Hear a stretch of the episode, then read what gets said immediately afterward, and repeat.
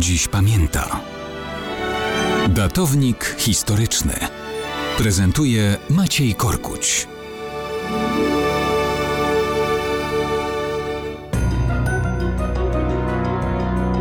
Mało kto dziś pamięta, że w październiku 1888 roku wykoleił się pod Charkowem pociąg. Nie był to byle jaki pociąg. Akurat w momencie wypadku w wagonie restauracyjnym przebywała cała carska rodzina. To był czas panowania w Rosji Aleksandra III. Tron objął on kilka lat wcześniej, po tym jak jego ojciec Aleksander II zginął w zamachu bombowym dokonanym przez Polaka Ignacego Chryniewieckiego. Jako cesarz Rosji prowadził politykę twardej ręki, opartej raczej o represję niż o wyrozumiałość.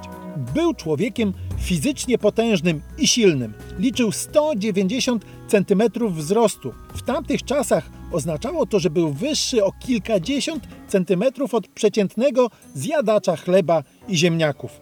Lubił zaglądać do kieliszka. Uwielbiał koniak, ale ze względu na kłopoty z nerkami lekarze zakazali mu spożywania alkoholu.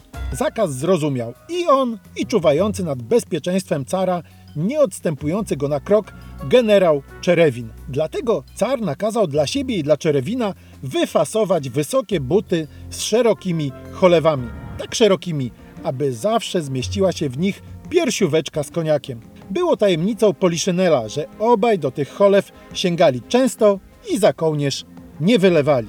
A katastrofa pociągu? Wtedy właśnie wykazał się car nieprzeciętną siłą. Na skutek wykolejenia załamał się dach wagonu restauracyjnego, w którym przebywał car z rodziną. Ponoć na własnych barkach podtrzymywał go tak długo, aż wszyscy bezpiecznie wagon opuścili. Rodzinę uratował i ani kropli trunku z zacholewy nie uronił.